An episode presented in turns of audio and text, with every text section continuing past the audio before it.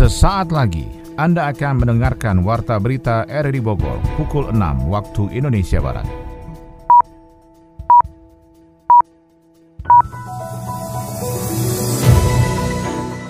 Selamat pagi, salam jumpa. Kami hadir kembali dalam Warta Berita edisi hari ini, Rabu 18 Januari 2023. Informasi ini juga turut disiarkan melalui audio streaming lewat RRD Play dan juga disiarkan lewat Radio Tegak Beriman Kabupaten Bogor, Jawa Barat dan Anda bisa akses di Spotify RRD Bogor.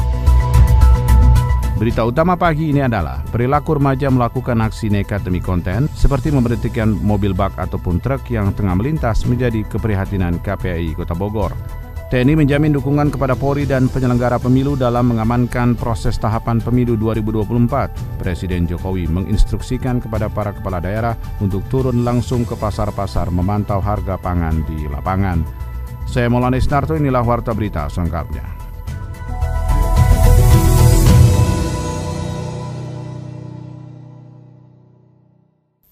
KPAI Kota Bogor meminta pemerintah melakukan langkah tegas dalam menyikapi rombongan jemaah liar atau rojali demi menyelamatkan masa depan anak-anak.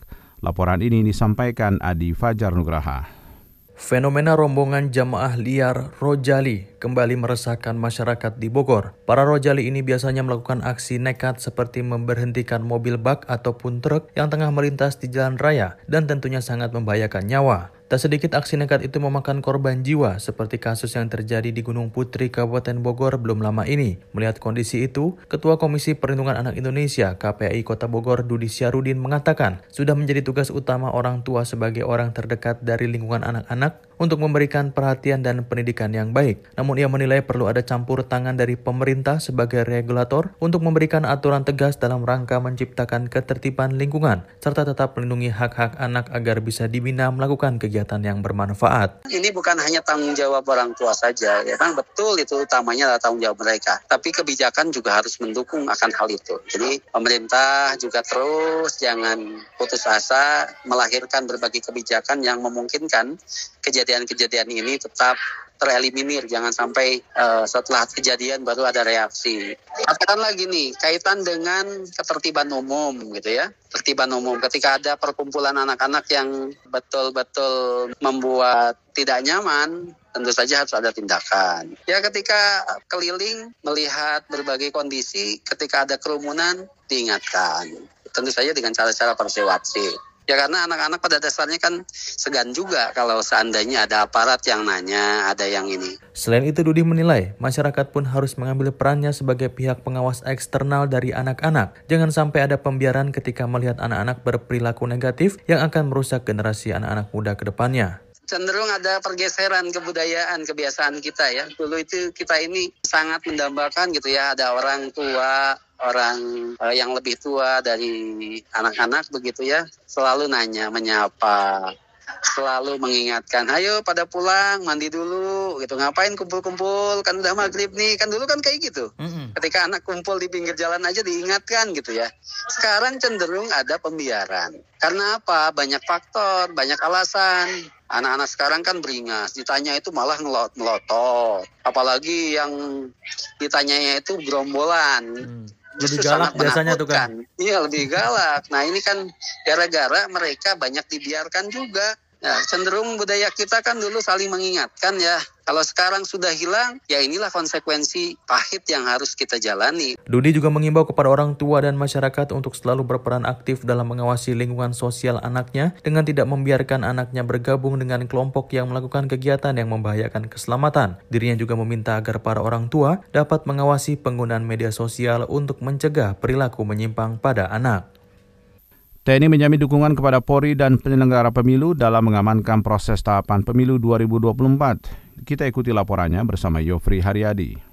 Netralitas TNI menghadapi pemilu 2024 tidak perlu diragukan lagi. Hal tersebut diungkapkan Panglima TNI Laksamana TNI Yudo Margono saat menghadiri rapat koordinasi nasional Kepala Daerah dan Forkopimda seluruh Indonesia di SICC Babakan Madang, Kabupaten Bogor, Selasa 17 Januari. Panglima TNI menjamin dukungan kepada Polri dan penyelenggara pemilu mengamankan tahapan dan proses pemilu yang akan berlangsung pada 2024 mendatang. Ditambahkan, Panglima TNI saat ini situasi situasi dan kondisi secara umum di Indonesia masih kondusif dan stabil. Pergerakan dan isu politik belum mengarah pada kerawanan stabilitas sosial. TNI harus netral dan saya akan jamin netralitas TNI eh, pemilu tahun 2024. Itu udah harga mati nggak boleh ditawar lagi.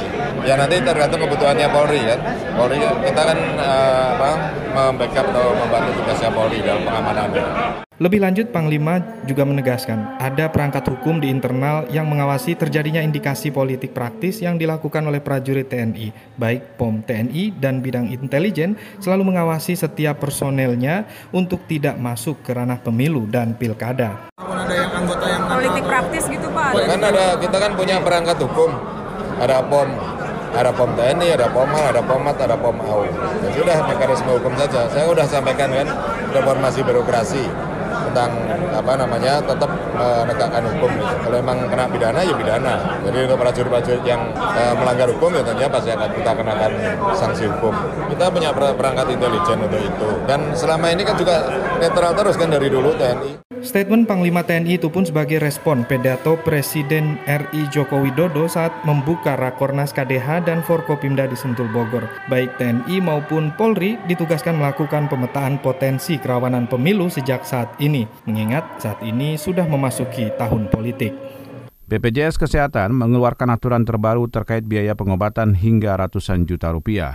Aturan itu tertuang dalam Peraturan Menteri Kesehatan Nomor 3 Tahun 2023 tentang standar tarif pelayanan kesehatan dalam penyelenggaraan program jaminan kesehatan. Tidak hanya itu, dalam peraturan BPJS Kesehatan terbaru, pemerintah juga menaikkan biaya pembayaran ke rumah sakit yang diharapkan bisa berdampak pada peningkatan pelayanan kesehatan bagi masyarakat peserta BPJS Kesehatan. Selain itu, dalam peraturan BPJS Kesehatan juga akan bertambahnya layanan yang dapat dibayarkan melalui BPJS serta penyesuaian satuan biaya untuk berbagai tindakan medis. Biaya pengobatan dalam peraturan BPJS Kesehatan 2023 yang tertuang dalam Permenkes nomor 3 2023 mencapai 432 juta rupiah dengan status pengobatan kelas 1 untuk perawatan transplantasi paru atau jantung berat. Sedangkan dalam peraturan BPJS Kesehatan perawatan penyakit jantung dengan biaya termahal mencapai 203 juta rupiah adalah prosedur bypass koroner tanpa kateterisasi jantung berat untuk pelayanan kelas 3. Selain itu juga ada perawatan ventilasi mekanikal long term dengan tracheostomy dengan biaya perawatan mencapai 207 juta rupiah untuk pelayanan kelas 1.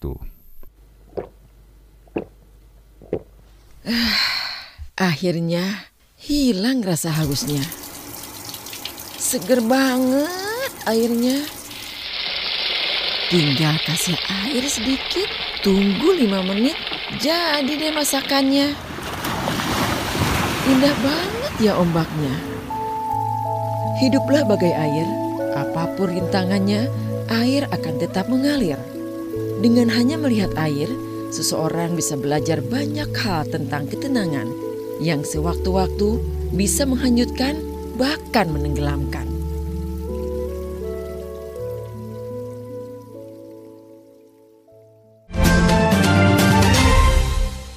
Pemerintah Kota Bogor melakukan upaya persiapan pemindahan pusat pemerintahan seperti dilaporkan Sony Agung Saputra. Proses pemindahan pusat pemerintahan dari kawasan Balai Kota Bogor ke Bogor Timur terus berlangsung dari pemerintah daerah setempat. Saat ini pemerintah Kota Bogor memang sudah melakukan kajian tentang pemindahan pusat pemerintahan ke kawasan regional Ring Road atau R3 yang menjadi Kecamatan Bogor Timur. Wali Kota Bogor Bima Arya mengungkapkan proses sudah berlangsung bahkan dirinya sudah berbicara empat mata dengan Presiden Joko Widodo tentang rencana pemindahan pusat pemerintahan. Kawasan Balai Kota dan sekitarnya akan menjadi wilayah kota tua sebagai warisan kolonial karena saat ini sudah tidak efektif berada di tengah kota. Untuk pusat kegiatan pemerintahan, Pemkot Bogor pun sudah menyiapkan lahan di kawasan lokasi tempat pemerintahan baru namun untuk pembangunan kantor pemerintahan harus menunggu dukungan dari pemerintah pusat sehingga pihaknya mengupayakan pada tahun ini bisa mulai proses pembangunan. Pusat pemerintahan akan bergeser dari Bogor Tengah ke Bogor Timur. Lahan sudah ada, ya, saya sudah menghadap Pak Jokowi langsung empat mata, sudah positif begitu. Mudah-mudahan tidak terganggu tanda kutip oleh IKN sebetulnya. Karena tersedot semua. Karena kita tidak mungkin untuk membiayai itu. Nggak cukup uang APBD kita. Makanya harus meminta bantuan dari kementerian. Nah kemarin itu sebetulnya sudah oke. Okay. kita berharap sebetulnya dibangun tahun ini. Berapa hektar? Nah desain sudah ada gitu. Sudah sudah semuanya. Kita berharap di sana dibangun. Nah, kalau itu dibangun? Luar biasa. Akselerasinya percepatannya luar biasa di sana. Sepertinya tahun ini belum. Saya tidak tahu apakah ada keajaiban dari pusat ya. Semuanya sudah ini tiba-tiba muncul pertengahan tahun multi years mungkin saja Ya, tapi kalau tidak ada berarti kita titipkan nanti. Sementara itu Camat Bogor Timur Rena Davina menjelaskan proses memang sudah berlangsung di tingkat pemerintah Kota Bogor dengan adanya lokasi lahan dari Jawatan Kekayaan Negara atau DJKN Kementerian Keuangan. Saat ini pemerintah Kecamatan Bogor Timur bersama Muspika setempat juga menguatkan masyarakat agar lebih bisa menerima keberadaan pusat pemerintahan dengan adanya pendekatan secara dialogis dan budaya. Masangan patok juga sudah berlangsung sehingga masyarakat yang tadinya menggarap kawasan tersebut bisa beralih karena kemungkinan pembangunan akan dimulai pada tahun ini. Keliling udah beres, cuman untuk pembangunan fisiknya itu belum. Karena kan Pak Wali tadi sudah sampaikan juga mudah-mudahan tidak ada kepotong IKN tadi. Mudah-mudahan ada keajaiban sehingga nanti ada info dari kementerian bahwa IKN dong. Luas tanah untuk pembebasan tanah udah clear ya. Udah dapat hibah dari DJKN, DJKN ya, ada 6 hektar. Kemudian untuk sosialisasi pematokan kalau nggak salah saya juga sudah clear dan yang ya, penggarap di sekitar sana ya. juga sudah kita sampaikan sudah disosialisasikan sama lurah-lurah. Tinggal memang yang paling berat itu adalah pembangunan fisiknya yang tunggu anggaran. Harus cepat ya karena jangan sampai masyarakat masuk lagi kan. Enggak masalah sih, tapi kan situ sudah kita informasikan. Jadi daripada ya, nganggur, cuman nanti kan itu tinggal fungsinya lurah lagi. Tuh. Lebih lanjut, pemerintah Kota Bogor juga tengah melakukan kajian secara mendalam tentang adanya pusat pemerintahan yang lebih modern dan ramah lingkungan, termasuk mempertahankan ciri khas kesundaan di areal tersebut. Pimpinan DPRD Kota Bogor mengingatkan pentingnya pembangunan sumber daya manusia dan ekonomi untuk kemaslahatan umat. Kita ikuti kembali Sony Agung Saputra melaporkan. Pimpinan DPRD Kota Bogor mengingatkan pembangunan sumber daya manusia dan perekonomian untuk kemaslahatan umat. Ketua DPRD Kota Bogor, Atang Trisnanto menyampaikan bahwa pembangunan fisik tidak hanya berbicara infrastruktur. Karena itu, perencanaan pengembangan wilayah juga harus ditunjang dengan peningkatan sumber daya manusia, SDM, dan perekonomian warga. Pemerintah Kota Bogor untuk memetakan rencana pembangunan dari kebutuhan masyarakat secara komprehensif. Karena kinerja pemerintah Kota Bogor sudah menunjukkan hasil positif positif di tahun 2022 bisa dilanjutkan dengan pembangunan di masyarakat pada tahun 2024 mendatang. Selain pengembangan kualitas SDM, infrastruktur, dan ekonomi, Atang juga menyampaikan usulan peningkatan intensif untuk petugas ujung tombak wilayah seperti petugas RT, RW, LPM, posyandu, dan sebagainya. Dengan adanya pembangunan SDM, maka peningkatan kemampuan dan daya pikir masyarakat Kota Bogor akan meningkat untuk menunjang keberlanjutan pembangunan fisik yang saat ini berlangsung. Anda tengah mendengarkan Warta Berita RRI Bogor. Presiden Jokowi menginstruksikan kepada para kepala daerah untuk turun langsung ke pasar memantau harga pangan di lapangan sebagai upaya deteksi dini. Sebesar 339 triliun disiapkan pemerintah untuk subsidi dan kompensasi energi. Informasi selengkapnya dalam Info Ekonomi disampaikan Adi Fajar Nugraha.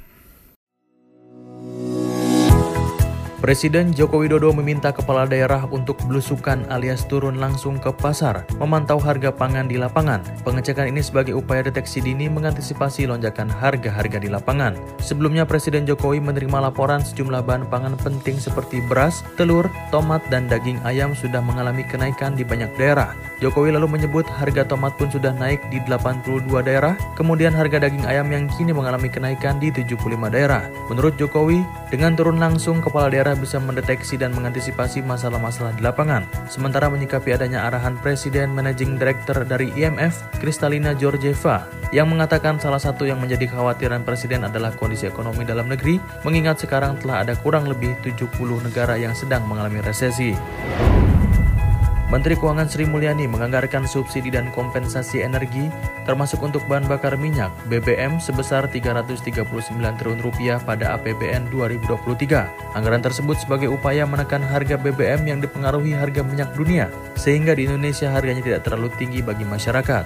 Menkyu juga menyebutkan bahwa pada 2022 terjadi fluktuasi harga minyak mentah dan terjadi kenaikan sebesar 71 persen sehingga mendorong besarnya kompensasi. Secara umum Kementerian Keuangan telah menyiapkan APBN 2023 sebesar 3.060 triliun rupiah yang siap dibelanjakan untuk menjaga daya beli masyarakat dan ekonomi Indonesia. Sebagai informasi, anggaran subsidi dan kompensasi energi pada APBN 2022 sebesar 502,4 triliun rupiah, namun realisasinya mencapai 551 triliun rupiah.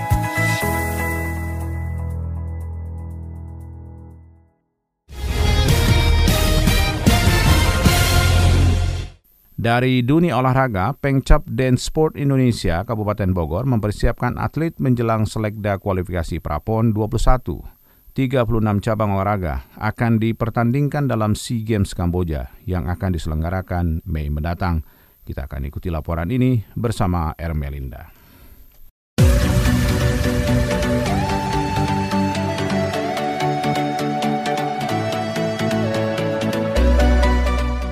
Cabang Ikatan Olahraga dan Sport Indonesia IOD Kabupaten Bogor dalam tahun 2023 ini akan merancang program persiapan yang menghadapi babak kualifikasi Prapo nanti, di mana program tersebut salah satunya yakni menggelar seleksi atlet daerah. Mufariza Arfiani, pelatih IOD Kabupaten Bogor, mengatakan saat ini untuk persiapan Prapon kemungkinan besar akan dilakukan selekda untuk lebih memfokuskan atlet-atlet di Prapon, sehingga bukan berarti hanya hasil Porprov Jabar lalu saja yang masuk dalam seleksi atlet, tetapi ada evaluasi tersendiri untuk persiapan PON? Kita lagi mempersiapkan ini mau ada Fornas di Bandung.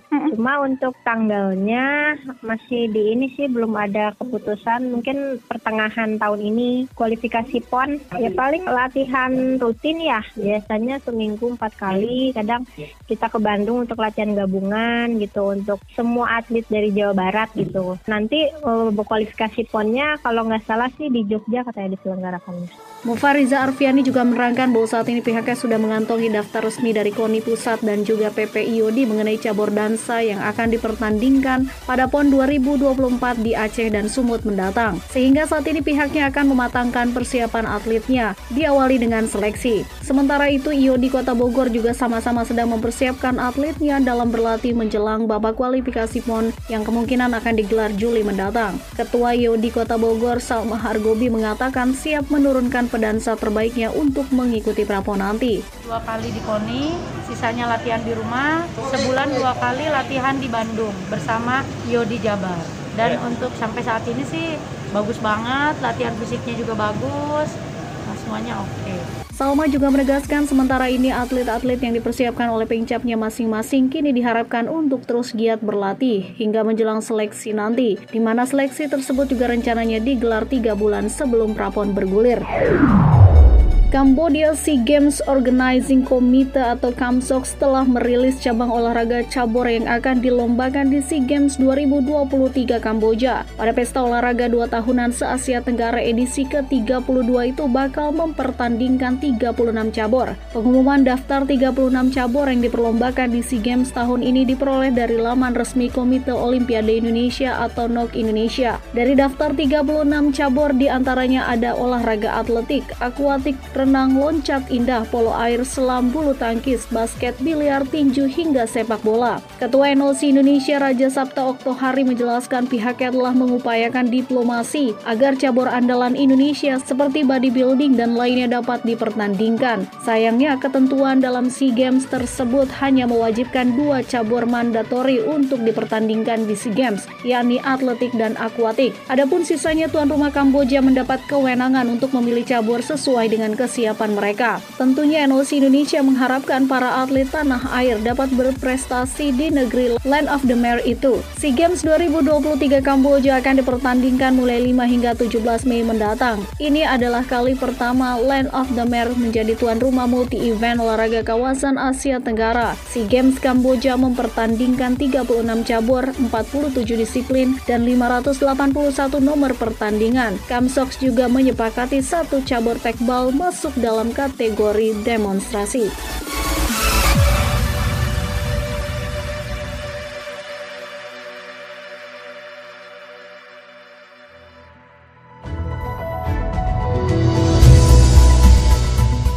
Demikian rangkaian informasi yang kami hadirkan di Warta Berita RRI Bogor pagi ini. Sebelum berpisah kami kembali sampaikan berita utama. Perilaku remaja melakukan aksi nekat demi konten, seperti memberhentikan mobil bak ataupun truk yang tengah melintas menjadi keprihatinan KPI Kota Bogor. TNI menjamin dukungan kepada Polri dan penyelenggara pemilu dalam mengamankan proses tahapan pemilu 2024. Presiden Jokowi menginstruksikan kepada para kepala daerah untuk turun langsung ke pasar-pasar memantau harga pangan di lapangan. Saya Maulana Narto bersama tim yang bertugas pada hari ini mengucapkan terima kasih atas perhatian Anda. Selamat pagi dan sampai jumpa.